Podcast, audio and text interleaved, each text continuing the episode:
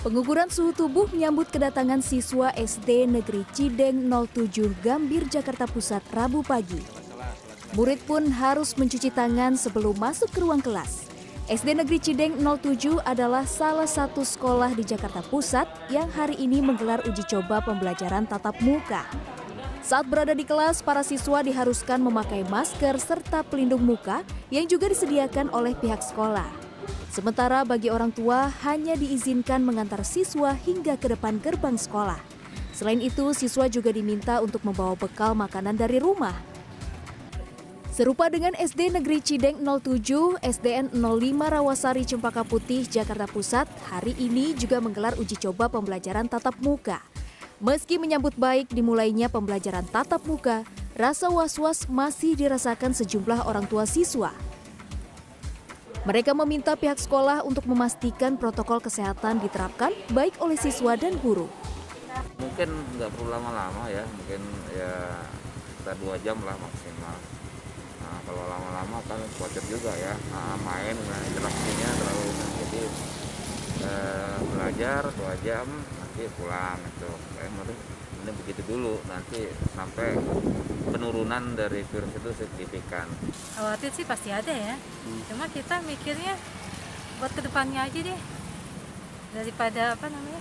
Soalnya belajar di rumah tuh kurang ada apa kemajuannya buat anak-anak belajar. Dan itu anak-anak juga udah kangen sekolah. Jadi uh, pengennya sih yang terbaik aja buat anak. Selain sekolah dasar, sekolah menengah atas dan kejuruan di ibu kota Rabu pagi juga melakukan uji coba belajar mengajar secara tatap muka, seperti di SMK Negeri 32 Jakarta Selatan. Uh, seru sih, soalnya kalau misalkan di rumah kan nggak bisa nanya ya kalau yang nggak tahu. Jadi kalau di sekolah lebih efektif. Uh, lebih efektif ya pasti yang sekarang ya bukan PJJ karena di sini kita kan langsung praktek bukan teori lagi apalagi nanti kita masuk ke magang jadi kita harus ngejar semua praktek yang ketinggalan Meski sekolah tatap muka sudah mulai diuji coba, protokol kesehatan harus diterapkan. Tidak boleh ada setitik kelalaian karena urusannya dengan kesehatan. Ini yang perlu digarisbawahi. Orang tua memegang kuasa untuk mengizinkan anaknya mengikuti sekolah tatap muka.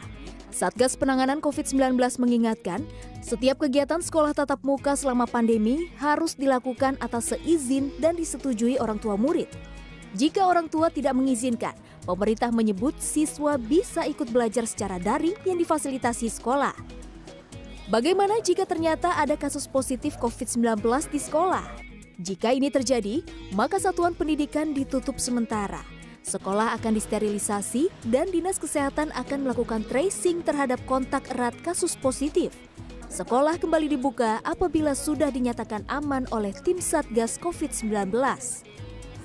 Selain itu, sekolah harus menyiapkan sarana pendukung protokol kesehatan yang ketat, mulai dari sarana cuci tangan, disinfektan, layout kelas, sarana pencegah kerumunan, serta jaminan kesehatan guru dan murid. Pemerintah pun mensyaratkan setiap guru dan tenaga pendidik yang melakukan uji coba belajar tatap muka sudah menerima vaksinasi COVID-19. Jumlah peserta didik yang ikut dalam belajar tatap muka maksimal 50% dari daya tampung per kelas dan pengaturan jarak 1,5 meter antar peserta didik. Selain itu, lama jam belajar di sekolah tak sama dengan jam sekolah normal. Durasi sekolah tatap muka hanya berlangsung 3 hingga 4 jam. Materi pembelajaran dibatasi dan hanya diajarkan materi-materi esensial. Kemendikbud menyediakan layanan pengaduan untuk menampung serta menindaklanjuti pelanggaran protokol kesehatan selama uji coba belajar tatap muka kali ini. Tim Liputan CNN Indonesia